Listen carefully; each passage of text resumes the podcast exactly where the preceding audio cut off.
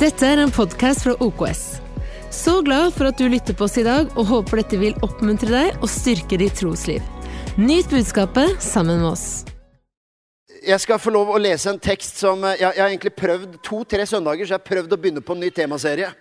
Men jeg kommer tilbake til noe som vi har hatt litt på ledersamlinger, litt på vår kickoff og litt forskjellig. Og i dag skal jeg dele med deg eh, Overskriften er 'Hva slåss du med?'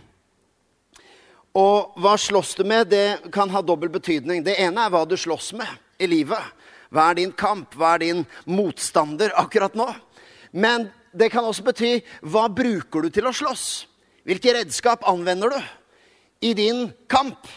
Og dette skal vi lese litt om. Efesbrevet 6, vers 10-18. Og i dag blir det litt bibeltime ut fra disse versene. Orker du det? Og det er sånn her at disse versene eh, Som sagt, jeg har prøvd å egentlig liksom komme i gang med en temaserie som ligger klar. Den er inne på iPaden her. Eh, men eh, disse versene bare fortsetter og fortsetter å vise mer, så la oss lese det. Til slutt, bli sterke i Herren, i Hans veldige kraft. Ta på Guds fulle rustning, så dere kan stå dere mot djevelens listige knep.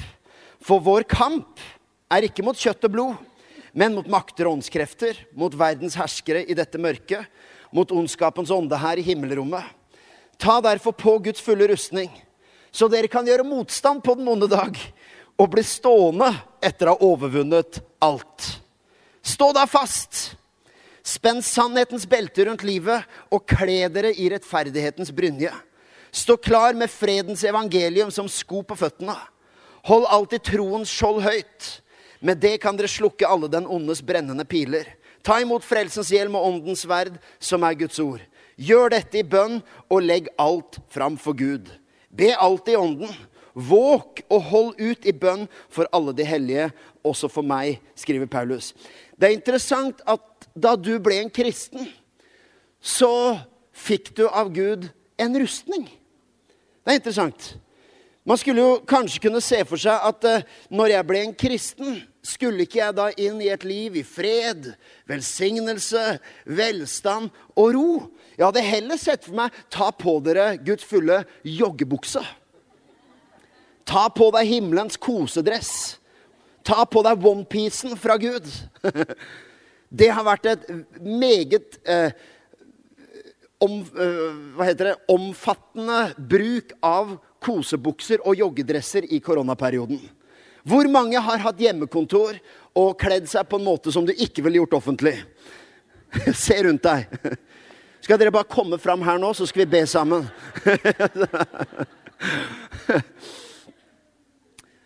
Det er herlig. Jeg, jeg, har faktisk prøvd et nytt konsept. Etter å ha hatt sånn uh, joggebukse på hjemmekontor, så tenkte jeg at jeg skal ha hjemmekontor på jobben. Så jeg har prøvd her noen ganger å komme i eh, joggebukse og se om liksom går det an å kombinere kontor og hjemmekontor. Men eh, det egna seg ikke. Det er interessant. Gud ga deg ikke en onepiece, han ga deg en rustning. Før du ble en kristen, så var livet en kamp. Livet uten Gud er en kamp med egentlig bare dine egne redskaper og din egen viljestyrke og din egen kraft. Nå når du har kommet til tro på Jesus, så er det egentlig, hvis vi baserer oss på denne teksten, så er det ikke noe løfte om at kampen i livet er over. Men det er et løfte om at du kan slåss med noe helt annet enn du noen gang har gjort før. Og hvis du er troende og har gått med Gud lenge, så er det fristende noen ganger å gå tilbake og bruke de redskapene vi brukte når vi levde uten Gud for å prøve å vinne kampen i livet. Og jeg skal prøve å hjelpe deg med å se hva slags kamp det er. Jeg vet at for noen kristne så, eh, som kanskje også har hørt litt ulik type undervisning, så kan man bli litt stressa når man hører ordet kamp. For kanskje du også har hørt undervisning som handler litt om liksom den kristne kampen. Litt sånn oppjaga, høye skuldre, bevis meg framfor Gud. Det er ikke det jeg snakker om i dag. Tvert imot. Hvis du sier at 'jeg er ikke så glad i det der kampspråket', Thomas, for jeg, jeg, jeg tror på freden i Gud Vel, det denne teksten bl.a. sa, er at freden vi har i Gud, er et av redskapene vi har i kampen. Så det er en kamp, og min erfaring er at vi behøver ikke stimulere fram til noe kamp i livet. Nå skal jeg prøve å liksom gjøre det litt mer turbulent. Kampene kommer veldig lett av seg sjøl, gitt. Kommer på rekenes på ei fjøl. På samlebånd kommer kampene. Og Derfor så snakker vi ikke om å hype seg opp til, til et eller annet eh, åndelig gir som, som, ikke kommer naturlig. Men det jeg sier er at det er fortsatt en kamp. Men et av redskapene du har fått i kampen i livet, er freden i Gud. Så i stedet for å slåss med sinne, i stedet for å slåss med skadefryd, i stedet for å slåss med irritasjon, at det er redskapene dine. I stedet for å slåss med manipulering og påvirkning. I stedet for å slåss med følelsen av urettferdig behandling, i stedet for å slåss med sjalusi, så har du fått et våpen, bl.a. et av dem heter fred. Du vinner den urolige, turbulente kampen i ditt liv med fred som våpen. Kanskje er det litt melankolsk å si at livet er en kamp. Jeg vet det er ikke sånn typisk OKS-forkynnelse. Livet er en kamp, dere. Med litt sånn poetisk tonefall. Men hvis du tenker på det, så er det det, det, er noen uskyldige kamper, og det er noen slitsomme kamper. Men det er en del fighter i livet. Enten du er kristen eller ikke, så fins det noen fighter. Det er hver morgen. Så er det en fight for at Mikkel skal få på seg skoa. Det er en kamp som krever enormt lederskapsferdigheter og oppfølging og tålmodighet og åndens frukt. For han blir så lett distrahert. Det er en kamp. Jeg er sikker på at vi, er, vi, kan si det spøkefullt, men jeg er ganske sikker på at mange foreldre, mer enn bare litt sånn eh, med lett humring og latter, kan kjenne seg igjen at det er en kamp mot skjerm. iPad, TV-spill, YouTube. Og hva slags yrke er det forresten, disse her 30-40 år gamle mennene som sitter på YouTube og lever av å skrike til tolvåringer? Merkelig yrke. Jeg ville bare flette inn det der. Det er fulltidsjobb med å sitte og rope og spille TV-spill og rope ah, 'Jeg missa!' Og så ungene blir helt hekta på det. Men det er en kamp mot skjermtid. Kan jeg være så snill få litt respons fra alle dere hellige foreldre som later som ingenting? Å nei, vi er en kristen familie. Vi, her, vi leser bare Guds ord. Det er en kamp mot skjermen! Og du setter grenser. Da. Det er maks én time i dag. Oi, det ble visst to. Jeg beklager. Det er en feit! Det var bare det jeg skulle si. Det er, en, det er en fight. På vinteren er det en fight mot snøen. Snømåking er en kamp, dere. Gressklipping er en kamp. Det er så deilig å kunne forkynne og få det ut. Takk for at du lytter. Det er en kamp. Jeg var på fly, uh, første flytur på en stund her nå nylig. Det er en kamp om håndbagasjeplass. Alle passasjerer er med. Det er en krig der ute. Du har bare glemt det, for du har ikke flydd på så lenge. Men inne på flyet, det er en krig om å få plass oppi håndbagasjen. Daniel veit hva jeg snakker om. Han er pilot, han har eget rom. Det er en kamp innimellom å forstå et skjema fra Nav. Det er en kamp. Jo, men det er en kamp. Noen ganger når mennesker er på sitt mest sårbare, og jeg er ikke ute etter å ta Nav her og de som jobber der, og gjør en fabelaktig jobb, men jeg sier, noen ganger er det en kamp. Når du er på ditt svakeste og mest sårbare, så er på en måte visse tekster er en kamp mot min intelligens. Med å prøve å få tak på hva det står. Jeg har en kamp mot klokka i hver preken jeg preker. Jeg er i ferd med å tape. Litt mer seriøst, det er en kamp mot usunne vaner. En kamp med kosthold, en kamp for selvbeherskelse, en kamp for mental styrke, en kamp for, eh, mot frustrasjon og irritasjon. Også for ikke å begynne om kampen for aksept, kampen for verdi. Kampen for å føle meg sett og hørt, kampen for å klare å tilgi. Kampen for å passe inn i et miljø. Kampen for å passe inn i en krets. Kampen for de menneskene du er glad i. Kampen du gjør på vegne av andre. Kampen du gjør for barna dine, for ektefellen din.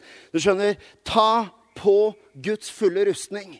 Jeg prøver ikke å hype det opp til å si uh, hvor forferdelig livet er. Tvert imot så har vi et løfte om at som kristen så er det ikke sånn at automatisk svever du på en rosa sky og kampene forsvinner, men du har fått noen mektige redskap å møte alle livets situasjoner. Og det beskrives også her en åndelig kamp. Jeg skal, håper jeg skal rekke å si noe om det.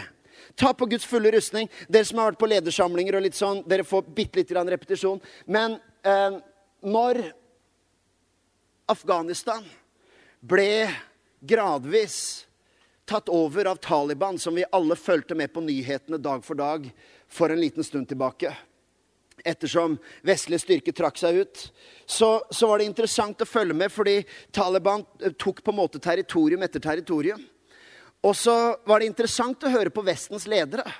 For det de sa ikke lenge, til og med når det var i gang og Taliban hadde inntatt en del områder av Af Afghanistan, så sier vestlige ledere at de har ikke sjans. For de er underlegne militært, de er underlegne numerisk. Vi er flere, vi er sterkere, vi har større budsjett, og vi har flere våpen. Så de har ikke sjans. Det er bare det at det hjelper ikke å ha haller fulle av våpen og redskap når det som skjer når fienden, fienden kommer, er at man resignerer. Og det her er ikke noe politisk innlegg, men når jeg så det kartet, så så jeg territorium for territorium. var Nesten dag for dag så var det et nytt område de hadde tatt. Og fortsatt sto Vesten og sa men de kommer aldri til å klare å ta Kabul. For der er, er vi råsterke. Men det som skjer er at etter hvert, når område etter område etter område ble tatt, så var til slutt Kabul omringa, og vips, så falt den opp på en dag. Hvorfor det? Jo, pga. en ånd av resignasjon. Det hjelper ikke å ha våpen og budsjetter og redskap og verdensledere i ryggen når det er mismot og frykt som gjør at du legger ned våpnene med en gang fienden kommer. De slapp nesten å løsne skudd, for de klarte å seire bare ved mismot og resignasjon. Hvis du ser på Davids kamp mot Goliat, eller Goliats kamp mot Israel heller, så ser du at Goliat slapp aldri å løsne et eneste skudd. Aldri i Goliats kamp mot Israel så skyter han på dem, banker opp noen, dreper noen. Han bare planter frykt og mismot som gjør at Israel står helt handlingslamma. Hva er det i din kamp som kan ha gjort deg litt handlingslamma? Du skjønner, du har de beste redskapene. Du har det beste våpenarsenalet. Gud har betrodd deg og gitt deg våpen og redskap til å kunne bli stående på den onde dag etter å ha overvunnet alt. Men det fienden ønsker, er at det skal være en ånd av resignasjon og frykt og mismot som gjør at du ikke bruker det. Og derfor så, og, og jeg vet at vi er, vi er en nådemenighet. Vi tror at alt er av nåde. Det er ikke egne gjerninger og egne prestasjoner. Men vi er nødt til å se litt på ordlyden, for det står 'ta på'. Guds fulle rustning. Det står faktisk ikke at du får Guds fulle rustning, og så er det bare å surfe og se at den virker. Det er noe du må kle deg i. Og jeg skal prøve å hjelpe deg litt praktisk. Hvordan bruker jeg, hvordan kler jeg meg i rettferdighetens brynje? For dette er en aksjon du må ta. Det er en handling du gjør som gjør at det er en kamp. Ikke en kamp i egen kraft, ikke en kamp i stress, ikke en kamp for å bevise noe verken framfor Gud eller for kirken, eller vise hvor åndelig jeg er, men en kamp som gjør at du må ta i bruk redskapene som du har fått. Et annet bilde, fordi når jeg, når jeg så dette Afghanistan-kartet, og jeg har, jeg har, nevnt i flere runder at jeg, jeg ønsker ikke å gjøre det, øh, åndeliggjøre det for mye. Men det sto veldig klart for meg når jeg så det kartet. Og så det området falt, og det området falt, og det området falt. Og jeg skjønte ikke at jeg er noe veldig militærstrateg, men jeg skjønte tidlig det her kommer til å gå gærent. De, de, eh, de, de, kommer ikke til å klare å forsvare den hovedstaden. Fordi, ikke, ikke, fordi de ikke var sterke militært, men du så når den ånden sprer seg, og ett sted får høre at de har gitt opp, og de har gitt opp, og de har resignert, ja, da er nok det tryggeste for oss å henge på. Så du skjønte tidlig at det galt. Og jeg så det kartet, uten å gjøre det til noe profetisk syn, eller sånn, men det kom en veldig klar tanke om at dette her er noe som dessverre skjer i deler av Kristi kropp. Også litt sånn i kjølvannet av den veldig underlige sesongen vi har vært inne i. Hvor mange har vært tvunget til å gjøre drastiske valg. Mange har vært tvunget til å legge ned og, og ikke ha gudstjeneste på et år, på halvannet år. Og vi har funnet veier, og vi har vært frimodige, og har, Gud har brukt den sesongen på en fantastisk måte. Men det er også en del steder hvor du kjenner igjen en ånd av resignasjon. Og én ting er Kristi kropp som helhet, men så så jeg også på en måte den, den troende sitt liv. Og jeg så deg og meg. Og så liksom Afghanistan-kartet som vårt hjerte. Og så så jeg plutselig Og jeg, jeg, håper du bare bærer over med meg i min beskrivelse, for det, dette er ikke liksom en lære jeg påfører deg. Jeg bare beskriver hva jeg så. Så så jeg det kartet og så for meg Afghanistan-kartet som mitt hjerte. Og så så jeg det at hvis jeg resignerer på ting som kanskje ikke er sentrum. Det er ikke sånn at jeg resignerer og sier ah, nei, nå tror jeg ikke på Jesu oppstandelse lenger. Men jeg resignerer på et område som kanskje jeg har hatt mine føtter på. Et område som jeg har trodd på. Det kan være troen på legedom. Det kan være troen på det Gud har gitt den. Det kan være noe så enkelt som, som identiteten din og ting omkring kallet. Så når du begynner å resignere på ett område som kan se ut som er litt ute i periferien, men så resignerer du på et område til, Så resignerer du på et område til. Og det som skjer til slutt, er at ditt hjerte er omringet av resignasjon. Og det når Kabul fortere enn du tror. Jeg prøver ikke å eh, lage noe skremselsscenario. Jeg bare sier eh, Litt sånn kanskje tabloid, men jeg sier kjære alle sammen. Du må slåss for freden. Du må slåss for hjertet ditt. Ikke slåss i egen kraft, ikke slåss anstrengt, men slåss med gleden i Herren som vår styrke. Og, for, og det står ordspråkene eh, Er det 423? Eh, Bevar ditt hjerte fremfor alt du bevarer. Bevar ditt hjerte fremfor alt du bevarer. Du skjønner, Det å beskytte og bevare det du har fått, er mer enn bare at jeg resignerer på alt, bortsett fra det aller viktigste. Et eller annet sted så må du sette din fot og si vet du hva, her sånn har jeg redskap, og jeg kan ikke resignere bare pga. mismot og frykt og fordi noen andre resignerte. Jeg ser rett og slett det er en herlig Å, jeg elsker å preke til folk hater kameraer. Nei da, jeg liker kameraer òg. Det vet jeg at det er folk bak dem. Det er bare akkurat opplevelsen. Det er deilig å høre puls og pust og sang og litt svette. Og det er herlig med mennesker. Mennesker er Kirke er skapt for folk. Men jeg, jeg, ser på deg, og jeg sier så kjærlighetsfullt som jeg kan få sagt. Ikke en atmosfære av eget strev, men jeg sier du kan ikke legge ned våpnene og la en ånd av resignasjon få lov å få fienden til å lykkes til å ta område etter område. At han får lov å ta din bønn. Hvor du sier jo, men det, det, har vært litt tungt å be, og jeg har kommet litt ut av rytmen. Og så kommer man inn i ja, så jeg tror vi bare lar det liksom gå litt.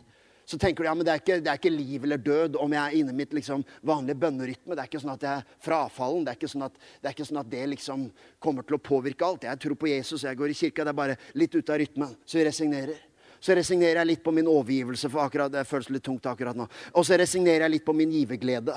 Og jeg fikk ikke helt det der til å stemme, så vi, vi lar den sjenerøsiteten bare ligge litt.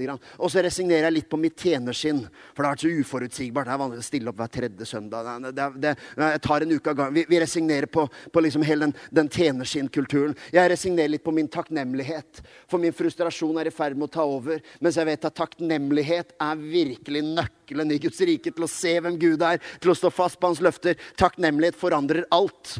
Men så resignerer jeg på min takknemlighet, for jeg kjenner ah, jeg vet ikke om jeg er så takknemlig akkurat nå. Og så resignerer jeg på min åndelige vekst og tenker ok, det har kanskje ikke vært så mye progresjon. Jeg har kanskje ikke lært så mye nytt. Jeg er kanskje ikke så sulten og nysgjerrig, men det får bare være. Og til slutt så er hjertet ditt omringet.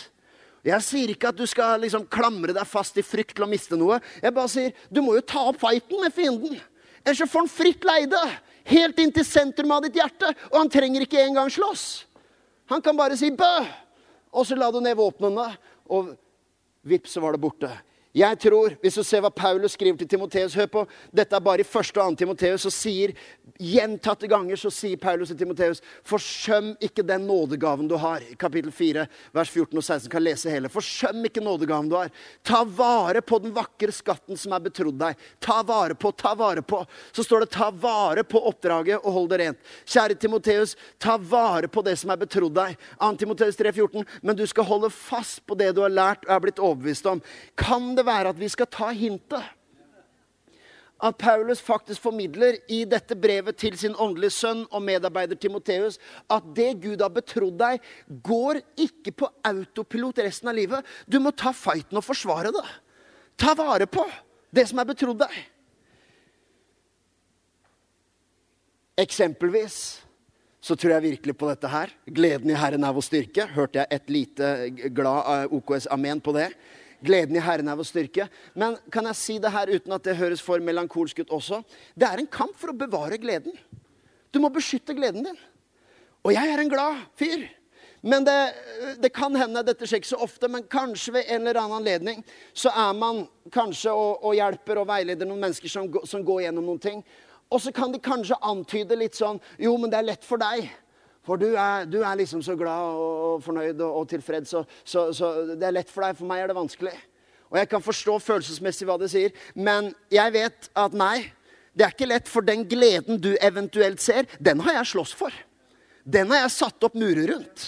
Den har jeg sagt at uansett hva som skjer i mine omstendigheter, hvis fienden får lov å stjele fra meg gleden i å tjene Gud, ja, da er det fritt leide. Men hvis jeg beskytter gleden uansett hva som skjer, jeg be beskytter og bevarer gleden i å tjene Gud, ja, da vet jeg at jeg er uangripelig. Så den gleden du eventuelt ser, er ikke fordi at vi er så veldig happy-clappy omstendigheter og alt er bare fryd og gammen. Nei, jeg har slåss for min glede. Jeg har brukt redskapene og våpnene som Gud har gitt meg. Det er, litt, det er litt på samme måte når jeg sier at du må slåss for glede. Det kan høres ut som en kontrast. Men i hebreerbrevet så står det noe lignende om hvilen i Gud. En veldig rar setning. Vet du hva det står? Det står at vi må arbeide for å komme inn i hvilen. Strev for å komme inn i hvilen. Det er en sånn selvmotsigelse. Strev for å komme inn i hvilen. Hva betyr det?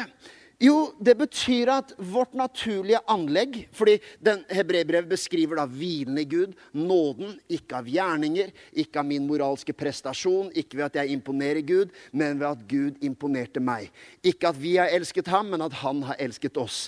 I dette er kjærligheten, ikke at vi elsker Gud, men at han har elsket oss og sendt sin sønn som soning for våre synder. Det er en sånn fin S-regle. Synge symaskiner, sy særdeles, smukke sømmer, synte snøve sommer, som således sydde sommerens siste skrik. Det var en gang en mann var god to, jeg var ha som tre ville aldri fire. Han hadde fem brødre selv, var nummer seks. Han hadde syv eller åtte som bodde ved Nilen. En tirsdag ettermiddag satt han ved elvebredden og så på tollerne, men det ble 13 i lengden. Hans 14 år gamle sønn fylte 15 år den 16., men det ga han 17 i, for han sitter 18 ganger på nummer 19 for tyveri. Den beste regla er i dette er kjærligheten. Ikke at vi har elsket ham, men han har elsket oss og sendt sin sønn som soning for våre synder. Alt det sa jeg bare for å oppsummere det. Jeg elsker regler. Det var lunken applaus, Katrine. Jeg har sett, jeg har sett henne stoltere. Jeg har det. Så Hebreerbrevet snakker om denne hvilen vi har i Gud.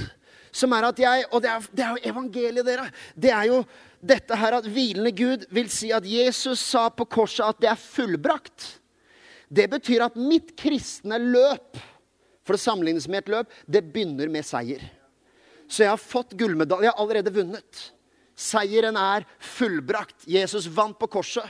Så tenk deg et olympisk løp. Vi har jo våre helter nå, Karsten Warholm og Jakob Ingebrigtsen og alle sammen. Se for deg et olympisk løp der det først er medaljeseremoni. Vær så god, du har vunnet. Nå kan du løpe. Du skjønner, Da er du ikke så opptatt av å løpe fortere enn de andre. Eller løper jeg saktere enn de andre? For du har vunnet. Så jeg kan løpe det som er mitt løp. Og så vet du at om du snubler i en sving, så vet du at jeg trenger ikke å ligge nede og ligge i marken og ligge i støvet, for jeg har jo allerede vunnet, så det er all grunn til å reise seg opp igjen. For medaljen har jeg allerede. Så hvorfor ligge nede og tro at jeg har tapt, når jeg egentlig bare trenger Det eneste som gjelder, er egentlig bare å fullføre. Samme hvor fort det går, eller hvor dyktig det var, eller hvilken stil du løp det kristne livet, men det er å fullføre det. Så alt dette her er for meg, det er hvilen. Men hebreerbrevet gjør det klart at den hvilen må du slåss for. Fordi det er så nærliggende for oss mennesker Det er så fristende, for å bruke et sånt ord, til å begynne å lene mot og kjenne aksept og rettferdighet gjennom mine prestasjoner.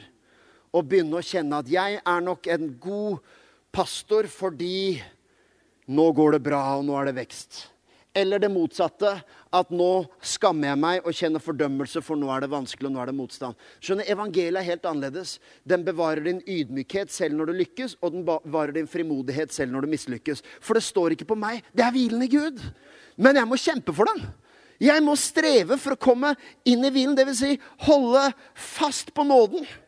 Og Derfor er det jeg sier til deg i dag, enten det er den hvilende Gud pga. at vi hele tiden, vi har sånn skeiv forstilling på bilen nesten, at vi liksom lener mot min prestasjon, og, og, at jeg finner verdi i om jeg lykkes eller mislykkes. Så får jeg fordømmelse når det går dårlig, og så har jeg frimodighet når det går bra. Jeg lener mot å, å, å plante min identitet i gjerninger. Så jeg må streve for å komme inn i den hvilen som er i Gud. Og på samme måte så fins det en kamp for freden, eller en kamp med freden. Og da er det på tide, kjære, kjære, alle som har kommet på gudstjeneste i dag, det er på tide å legge vekk ånden av resignasjon. Jeg sier det til deg som Jeg, jeg vet at det, kanskje din første motreaksjon er at det er lettere sagt enn gjort. Men Bibelen har gitt oss redskapene. Den har gitt oss sannhetens belte. Hva er det for noe? Jo, det er at når du slåss uten Gud, hva slåss du med da? Jo, da slåss du med dine følelser. Da slåss du med din taktikk. Da slåss du med din manipulasjon. Da slåss du med din fasade. Da slåss du med påvirkning og prøver å komme helskinnet ut av det. Men når du har sannhetens belte, da er det sånn at i stedet for en ånd av resignasjon, så vet jeg at det er sannheten som er mitt redskap. Det er å bade i Guds ord, meditere i Guds ord, dyppe livet mitt i Guds ord. Dette her er mitt immunforsvar mot angrep på hjertet. Jeg vet det, Du har kommet her i dag, og kanskje jeg sa det skulle være litt bibeltime. Eh, kanskje du forventa noe dypere. Men kan jeg bare si ditt liv med Bibelen Ikke la de bli et Jeg vet at vi har ulik leselyst. Noen har dysleksi. Det, og det er sant, det kan, det kan, påvirke litt. Noen er lesehester og elsker å studere og granske. Andre er ikke så glad i å åpne bøker og, og er ikke så glad i lesing i utgangspunktet. Kan, det er masse å si om det, og det fins ulike måter å leve med Guds ord, enten du er glad i å lese eller ikke. Men kan jeg bare få si én ting med store blokkbokstaver? Ikke resigner på din rytme i livet med Guds ord. Ikke la fienden få ta det territoriet bare fordi det var litt tungt en dag, eller du kom litt ut av rytmen. Hør her sann, med sannhetens belte om livet. Det er Guds ord. og Hele teksten starter med Guds ord, og den avslutter med Guds ord. Vi har fått troens skjold. Skjønner, Når du slåss uten Gud og slåss uten tro, da slåss du uten noen annen sannhet enn din egen. Da har du din egen sannhet. Og Her er et fenomen i vår kultur. Bare si dette her i forbindelse med troens skjold. Fordi det kan jo være at du sier jo, men troen skjold, troen er mitt våpen, troen er, min, er, mitt redskap mot, mot fienden osv. Men, men så kan man si at jeg slåss jo med tvil. La meg gi deg en bitte liten nyanse. For du skjønner, i vår kultur, vi som bor i Vesten i 2021, så er det helt klart at når det kommer til gudstro generelt, ikke bare en spesifikk religion, men, men generelt, så er det veldig mye større aksept for å uttrykke offentlig tvil enn å uttrykke tro. Til og med statsledere, hvis de blir spurt åndelige spørsmål, alle kan si 'jeg har tvil'. Det fins en bred aksept. Men det å på en måte bekjenne 'jo, men jeg har en tro', det er med en gang. Det er nesten som om hele kulturen har, har, har på en måte eh, hva skal jeg si, Det er en stadig bredere aksept for standpunktet at du kan ikke hevde noen sannhet. Det er vakkert å ha tvil, og det er lov å ha tvil, men du kan ikke ha noen tro. Du kan egentlig ikke være sikker på noe. Og det å tro at du er sikker på noe, er arrogant. Det som er interessant med det Tesen 'du kan ikke være sikker på noe', det er en påstand. Hvordan kan du være så sikker? Du må våge å tvile på din postmoderne påstand om at det går ikke an å være sikker på noe. Hvordan kan du være sikker? På at det ikke går an å være sikker. Poenget mitt er alle har en doktrine. Så hvis du sier nei, jeg, jeg tror ikke på noen ting, jeg, eh, min eneste tro er at det går ikke an å ha en sikker tro, vel, det er din tro. Hvor har du fått den? Hvor har du lært den? Hvilke impulser har indoktrinert deg med den påstanden? Og her er det jeg har å si til deg som er troende. Hva har dette med den åndelige kampen å gjøre?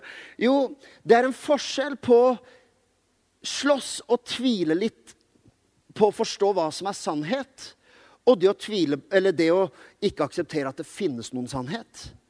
Min oppfordring Beklager hvis det ble for komplisert, men min, min oppfordring er at det er lov å tvile. Det er, noe, det er, ikke sånn at hele rustningen kollapser fordi du har tvil. Men det her er en god illustrasjon som, som kan hjelpe deg. Eh, som, som eh, jeg hørte av en, av, av en pastor som heter Timothy Keller.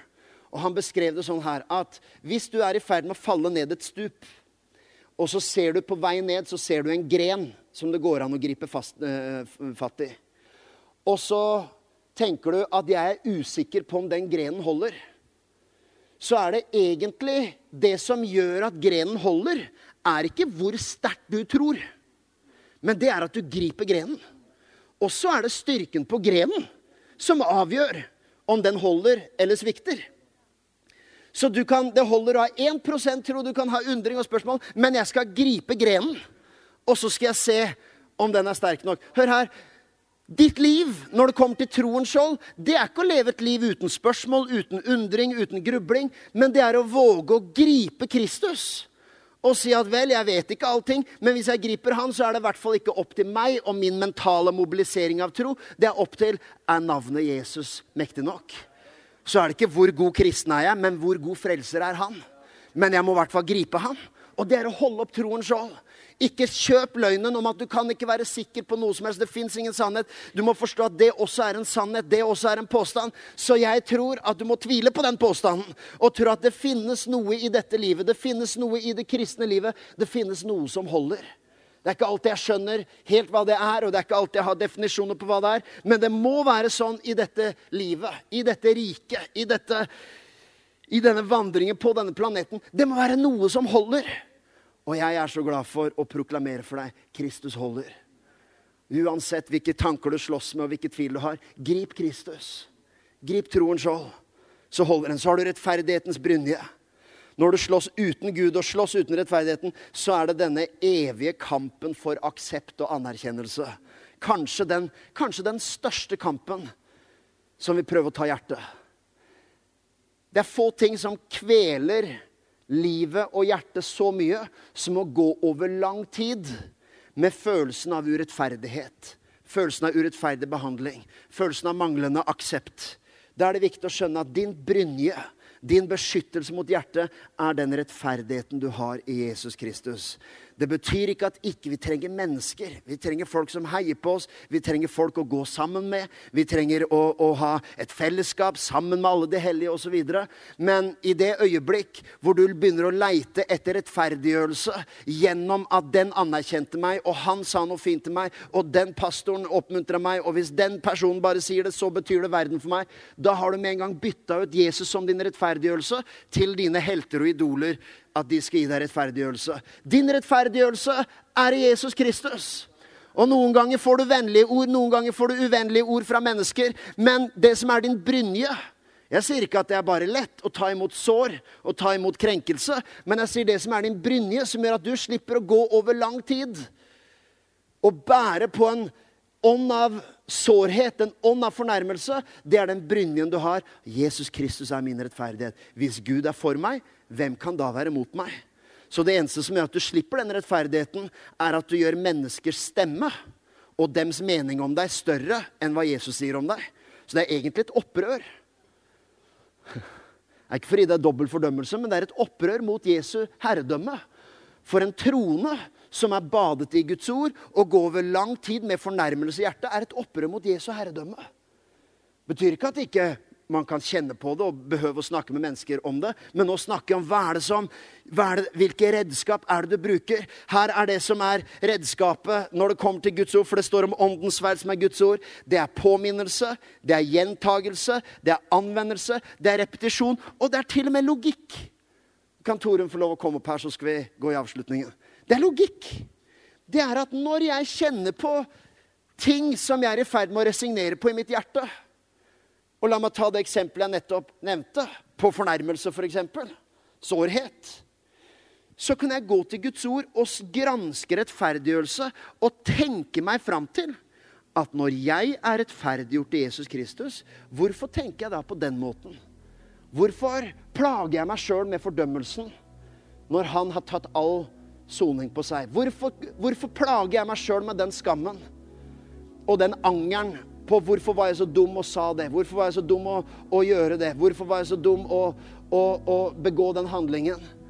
Når du plager deg sjøl med skammen, så er noe måten du tar på deg Guds fulle rustning, er å granske i ordet og begynne å stille spørsmål ved det du føler. Det vil si utfordre. Jeg sier ikke du skal feie følelser under teppet, men jeg sier du la Guds ord få snakke til din virkelighet. I stedet for at du bare ta liksom Og vi, vi snakker om dette her, for å ta den helt til slutt her, bare som en repetisjon. Det handler om å sette sitt menn på riktig sted. Place your butt in the right place. Plasser ditt menn på riktig sted. For Guds ord, det å ta på seg rettferdighetens brynje, det er ikke å benekte det som er vanskelig. Det er bare at du må plassere ditt menn på riktig sted. For jeg oppdaga dette her i koronasesongen, hvor jeg, jeg merka at jeg sa jeg liksom, I min bønn så sa jeg sånn Jo, Gud, jeg vet at, jeg vet at du tar hånd om din kirke. Du forsørger for din menighet. Men nå er det en krevende situasjon. Kanskje har du sagt sånne ting om ditt liv. Jeg vet at Jesus er min lege, men jeg har smerte i kroppen. Jeg vet at Jesus er min klippe, og han er min fred, men nå er det turbulent. Det å bekjenne og bade i Guds ord er ikke å benekte hva som skjer, og benekte hva som foregår i livet, men du må bytte om på setningen. Hvor i stedet så oppdaga jeg hva, hva, Det var et øyeblikk hvor, hvor jeg nærmest opplevde Den hellige ånd bare si Bytt om på setningen. Hør åssen det høres ut. I stedet for Gud, jeg vet du tar hånd om din kirke, men dette er turbulent. Så sa jeg jo, dette er en turbulent situasjon, men du tar hånd om din kirke. Jo, jeg har smerte i kroppen, men Jesus er min lege. Jo, det er trøblete omstendigheter, men Jesus er min klippe og min borg og min festning og mitt vern.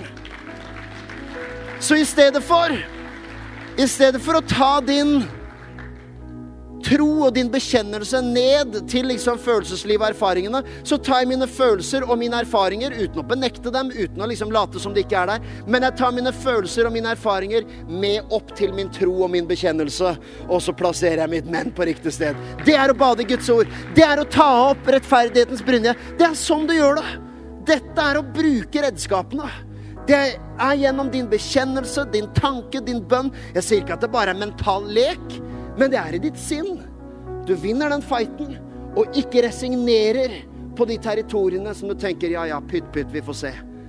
Ja, dette er dagen hvor noen skal få lov å ta tilbake noen områder som du bare har gitt bort, som du bare har Du vet at det er ikke har ikke betydd slutten på deg. Det er ikke at du har liksom forlatt troen eller sånne ting. Det er bare du har resignert på et område og et område til.